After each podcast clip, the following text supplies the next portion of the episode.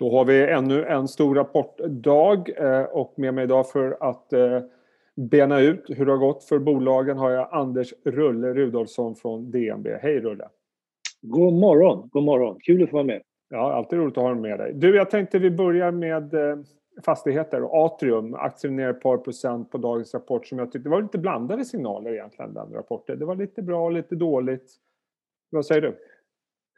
Ja, alltså det var ju ganska så nära förväntansbilden då, det skulle jag väl ändå säga. Eh, visst, netletting var väl... Ja, jag tycker inte det, det, det, är svårt att dra någon riktig trend på den rapporten. Aktien eh, är ju ner sen föregående kvartalsrapport som då var lite sämre. Den här gången kommer den in ganska så väl med våra förväntningar. Eh, och jag, jag, tycker ändå att det är faktiskt en helt okej okay rapport. Eh, jag vet inte riktigt hur det ser ut nu. Atrium aktien är ner en halv procent och det är väl mera ur perspektivet att det är eh, liksom, man, man, vet väl inte riktigt vad som kommer att hända med naturligtvis alla de här uthyrningarna som man då förhoppningsvis kan börja få fart på igen. Men ännu så länge så dominerar ju synen på att eh, pandemin slår hårdare än att det finns möjligheter. Så jag skulle ändå säga att det är en helt okej okay rapport eh, och de kämpar på och de lämnar sin utdelning det är ju en trend vi har sett egentligen från alla eh, fastighetsbolagen att några värdeförändringar i Q4 har vi ju inte sett. Eh, så det är väl det man ska ta med sig generellt för sektorn. Jag tror Atrium är ett jättefint företag, så det handlar inte om det utan ibland måste man liksom anpassa sig efter läget och det är det fastighetsbolagen försöker göra. Jag är säker på att den kommer så småningom. Eh, de sitter ju inte stilla och väntar på vad som ska hända utan de är ju där hela tiden och gnetar och jobbar och försöker få till det här det som ändå var positivt var ju förhållandevis lite eftergifter på hyrorna. Det är ju någonting som man ska ta med sig i den här rapporten i alla fall. Men som helhet för fastighetssektorn känns ju som att några värdeförändringar är det inte att tala om och det är ju det som i huvudsak har drivit navutvecklingen de sista åren för fastighetsbolag. Och man ser ju också om man tittar på kursutvecklingen i Atrium, den har ju gått sämre eh, i en annars svag sektor. Eh, och eh, det är mycket, mycket mer, eller mer än snittet vad gäller exponeringen mot eh, handelsfastigheter. Och det är väl det som kanske tynger Atrium lite extra mycket då. För där är ju osäkerheten ja, fortsatt stor. Ja, absolut. Så har det ju varit. Och det är väl ändå så att man ska inte glömma bort att de har ju... Det som är utmaningen för många fastighetsbolag nu, det är ju att det är eh, vad gör man med sin mark och vad, har, vad gör man med sina utvecklingsprojekt? Vi såg ju från Fabege så startar de nästan ingenting just nu. Eh, och det är det som egentligen är kanske den stora utmaningen som sagt för alla fastighetsbolag. Hur tar man bolagen till nästa nivå? Och då som Fabeges fall, då köper man tillbaka aktier exempelvis istället. Mm. Eh, vi går över till en helt annan sektor och det är Betsson. Eh, enorm kursreaktion blev det på den här rapporten. Om man tittar på liksom headlines så är det, ja det var lite sämre, lättare att vänta på resultat men marginalen var lite bättre. Eh, sen har ju givetvis aktien gått eh, oerhört bra senaste året så jag vet inte om det hjälper till att tynga. Hur, hur tolkar du kursreaktionen? Ja, vi tycker nog att det är en ganska så lite väl stor reaktion på det här faktiskt. Det är ju en del EO i det här också. Det kan ju vara så att han hintade ju om att man har sett en avmattning rejält som i Tyskland i slutet på året. Och att det är det som slår igenom här. Men Samtidigt så är det ju så att det är inte där som det händer just någonting just nu, utan det är ju vad som, händer, vad som pågår i USA. Eh, så att, men ändå, jag tycker att det vi diskuterade på morgonen så var det väl så att den här aktien borde egentligen vara ganska neutral på rapporten. Det var i alla fall vad vår kille Martin Nadell sa. Eh, att den då är ner 10% på det här, det är för mycket. Så jag tror aktien om ett par dagar har kommit tillbaka igen. Eh, sen drar det ju med sig flera spelbolagen idag, Kindred nu ner, trots att man skriver ett rätt intressant avtal för att kunna komma åt eventuella licenser i, i Arizona, Kalifornien exempelvis. Eh, men som sagt, som du säger, va, många bolagen har ju kommit med siffror eh, redan och, och, gjort omvända vinstvarningar, så det fanns väl förväntningar här. Okay. För, för jag tyckte ändå att läser man lite grann, han berättade ju lite grann det om, om hur Q1 har börjat och det såg ju, det var väl inget fel på det? Nej, och det, och sen vet man inte riktigt hur, hur ska man liksom spela spelet här mm. resten av året. Ska man ge sig på så att säga, eh, recovery stories eller ska man vara kvar i de här at home-aktierna? Och spelbolagen är ju helt uppenbart at home, alltså gynnas av stay at home eh, av den här trenden som har varit. Ja. Eh, så att det kan vara lite sånt. Vi har sett en, en liten tendensförbättring på recovery stories generellt i USA där vi har sett cykliskt, vi har sett value eh, som är performat bra. Vi har sett framförallt mid small caps i USA som har fullständigt exploderat på uppsidan.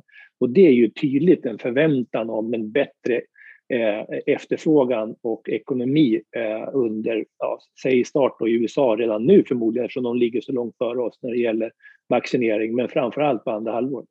Ja, intressant. Eh, sen har vi då Hoist. Det här är en aktie som har tyngts eh, under senaste året. Vi har sett transaktionsvolymerna har varit ner kraftigt i Europa för branschen. Eh, rapporten kommer ut lite svagare än väntat ser det ut som. Och mm. även den aktien tar ordentligt med stryk idag. Mm. Ja, det här är en aktie, precis som Intrum, som har utsatt för ganska hård blankning eh, genom åren. Eh, de gör ju också en nedskrivning här som är lite, som de säger själva, eh, relaterat till pandemin Eh, på 50 miljoner. Och eh, då blir det väl en viss oro, liksom, vad finns det mer då i det här? Så man inte kanske tar det här kvartalet utan kommer nästa. Men som alltid, Hoist har en tendens att vara väldigt slagig på just rapportdagarspris. Det har varit med Intrum också. Eh, så dålig som 10% ner känns ju inte aktien den här, den här gången heller egentligen. För den har ju varit en trading range här på den, mellan den här nivån och lite högre. Um, och det är lite ovant faktiskt att ha så här stora nedställ som vi har. Vi har ju i alla fall en, som det nu är, en 5-6 bolag idag som har rapporterat som är ner mellan 6 och 10 procent. Det har vi inte haft någon gång egentligen under rapportperioden. Mm. Så det är lite nytt, ur det perspektivet, lite nytt läge kan man säga. Men jag tycker ändå när man läser rapporten, eh, de lyfter fram att de har en väldigt stark kapitalposition. De lyfter fram att de ser en ljusning vad gäller transaktionsvolymer liksom, vad ska man säga, när ska man våga köpa en aktie? Den här aktien? Ja, det är en väldigt bra fråga. Alltså jag har nog inte riktigt någon bra uppfattning så. Den, det, alltså det verkar ju som, eh, det här är min tolkning, mm. vi har inte bevakning på varken Hoist eller eh, Intrum, men den här svarta lådan som man, som man kallar det för, det vill säga den här man räknar ut liksom, vad blir ett utfall på en portfölj som man köper. Ja. Den är svår att se in i. Alltså man har inte den conviction riktigt som man skulle kanske vilja ha. De själva säger ju att den här har ju funkat i alla år. Det har ju Intrum också sagt att vi har inga problem med det där. Eh, men marknaden vågar liksom inte prisa in det. Trots egentligen att alla banker i Europa behöver ju lätta av sina balansräkningar. Så att det här som man hade hoppats skulle hända har ju de facto inte hänt. Och det är väl inte förrän man verkligen ser att bankerna ordentligt börjar lämna av krediter till den här typen av aktörer som man kanske vågar börja prisa upp det här. Ehm, så att ehm, ja, fortsättning följer. Jag, jag tror ju ändå att aktien får lite väl mycket stryk i det korta perspektivet. Och en annan aktie som är ner på rapporten det är Nent. Eh, det är väl lite blandade utfall där också utifrån estimaten. Jag tycker personligen det finns en del positivt att ta med sig vad vdn säger om ljusning på eh, annonser. Jag tycker han pratar ganska väl om Viaplay. Eh, mm. Vad säger ni om Nent?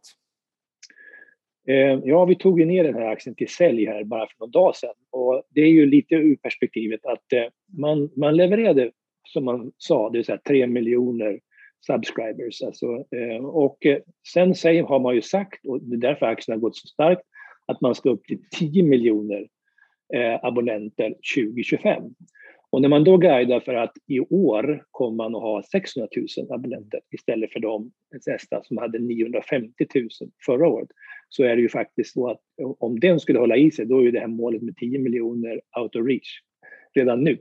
Så jag tror egentligen det är lite så att man guidar eh, lite avvaktande och det är det som sätter ner aktierna. Resultatet var bra och eh, man har ju sagt liksom att man har verkligen velat ta in nya abonnenter och då är frågan har man prisat det lite på fel sätt då? Nu pratar han ju om prishöjningar och då är frågan är det det som gör att man liksom guidar för lägre abonnenttillväxt det här året eller inte?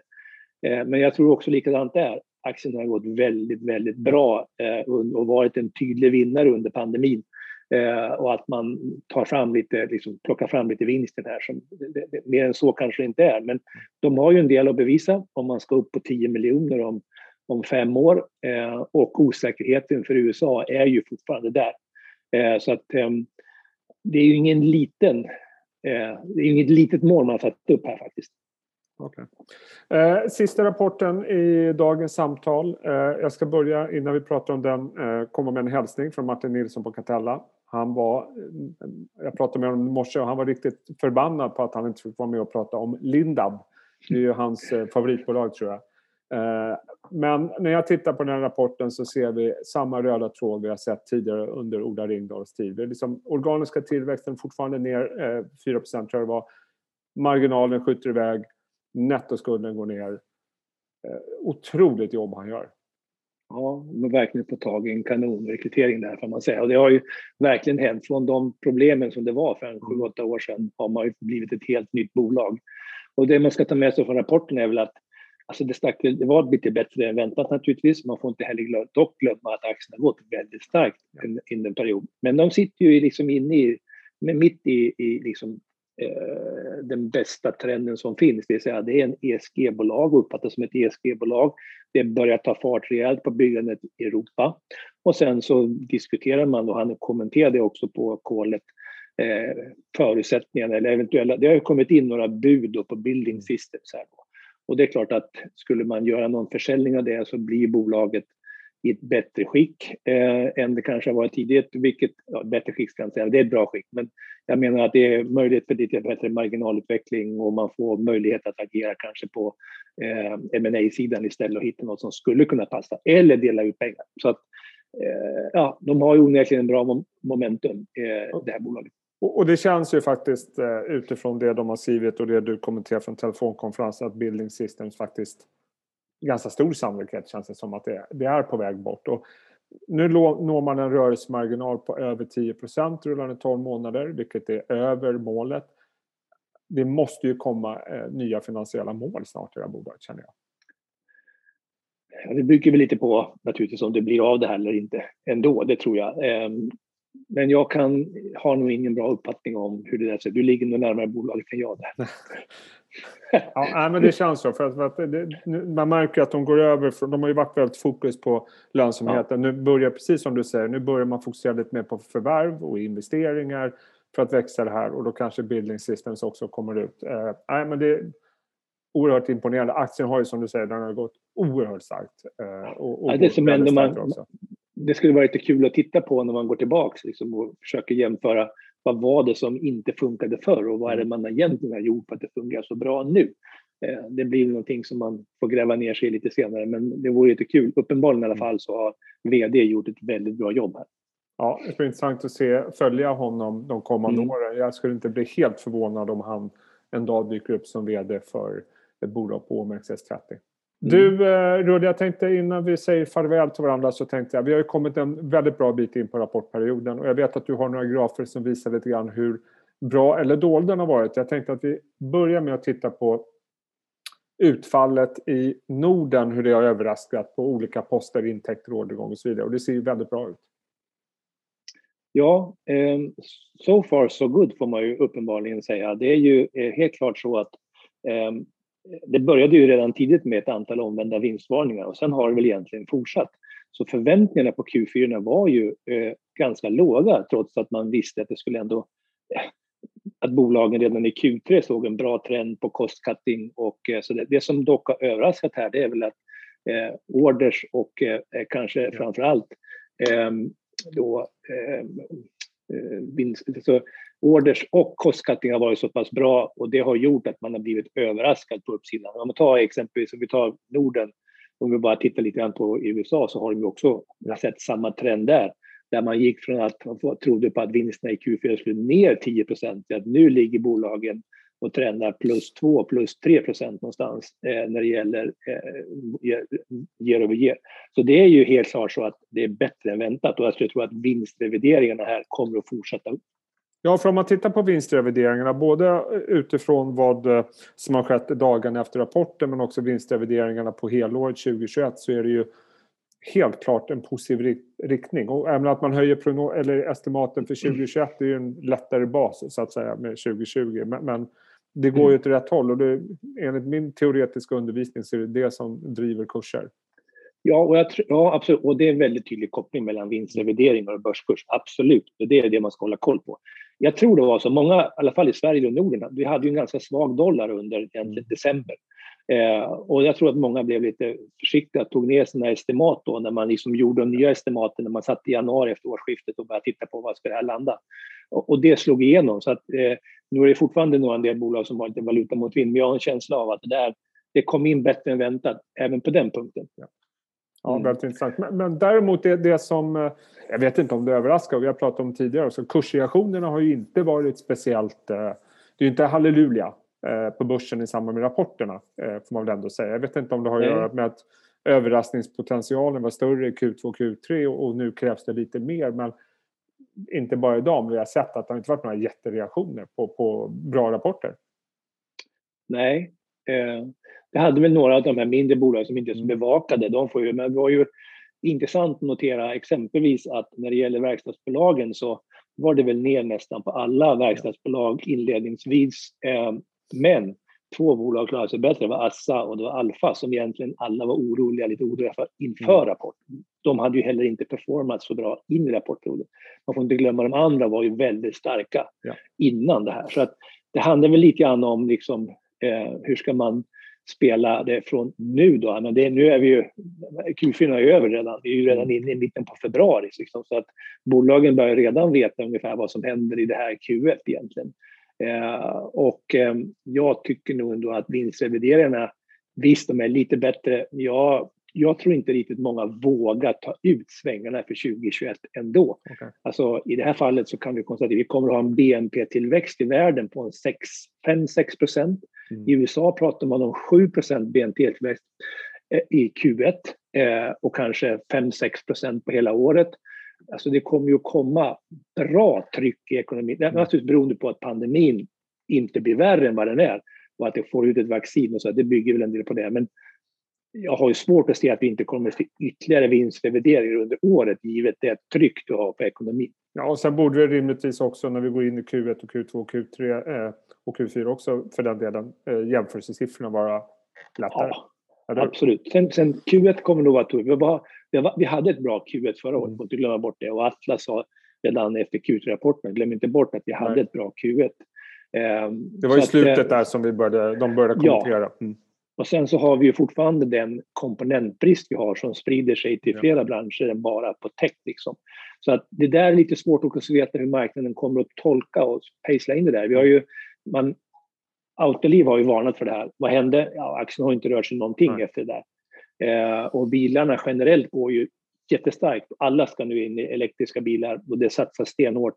Så att det kommer ju bli en ganska så stor, tror jag, då, investerings inte puckel ska jag inte säga, men det är många som nu lägger ut eh, investeringsplaner. Och det är klart att när alla ska göra på en gång så kan det bli lite tajt i kedjan. Ja, eh, oerhört spännande som vanligt. Eh, tack för din eh, fantastiska input som vanligt, Rulle. Eh, ska du åka ut och åka skidor nu efter det här samtalet? Eller? Jobba Nej, det blir, jobba nog, måste köra en stund till. Men till kvällen lovar jag, då ska ja, jag Bra, bra. Eh, kul att se dig, Rulle. Ha en ja, riktigt samma. fin dag och fin vecka. Hej! Ja, sköt om dig. Hej!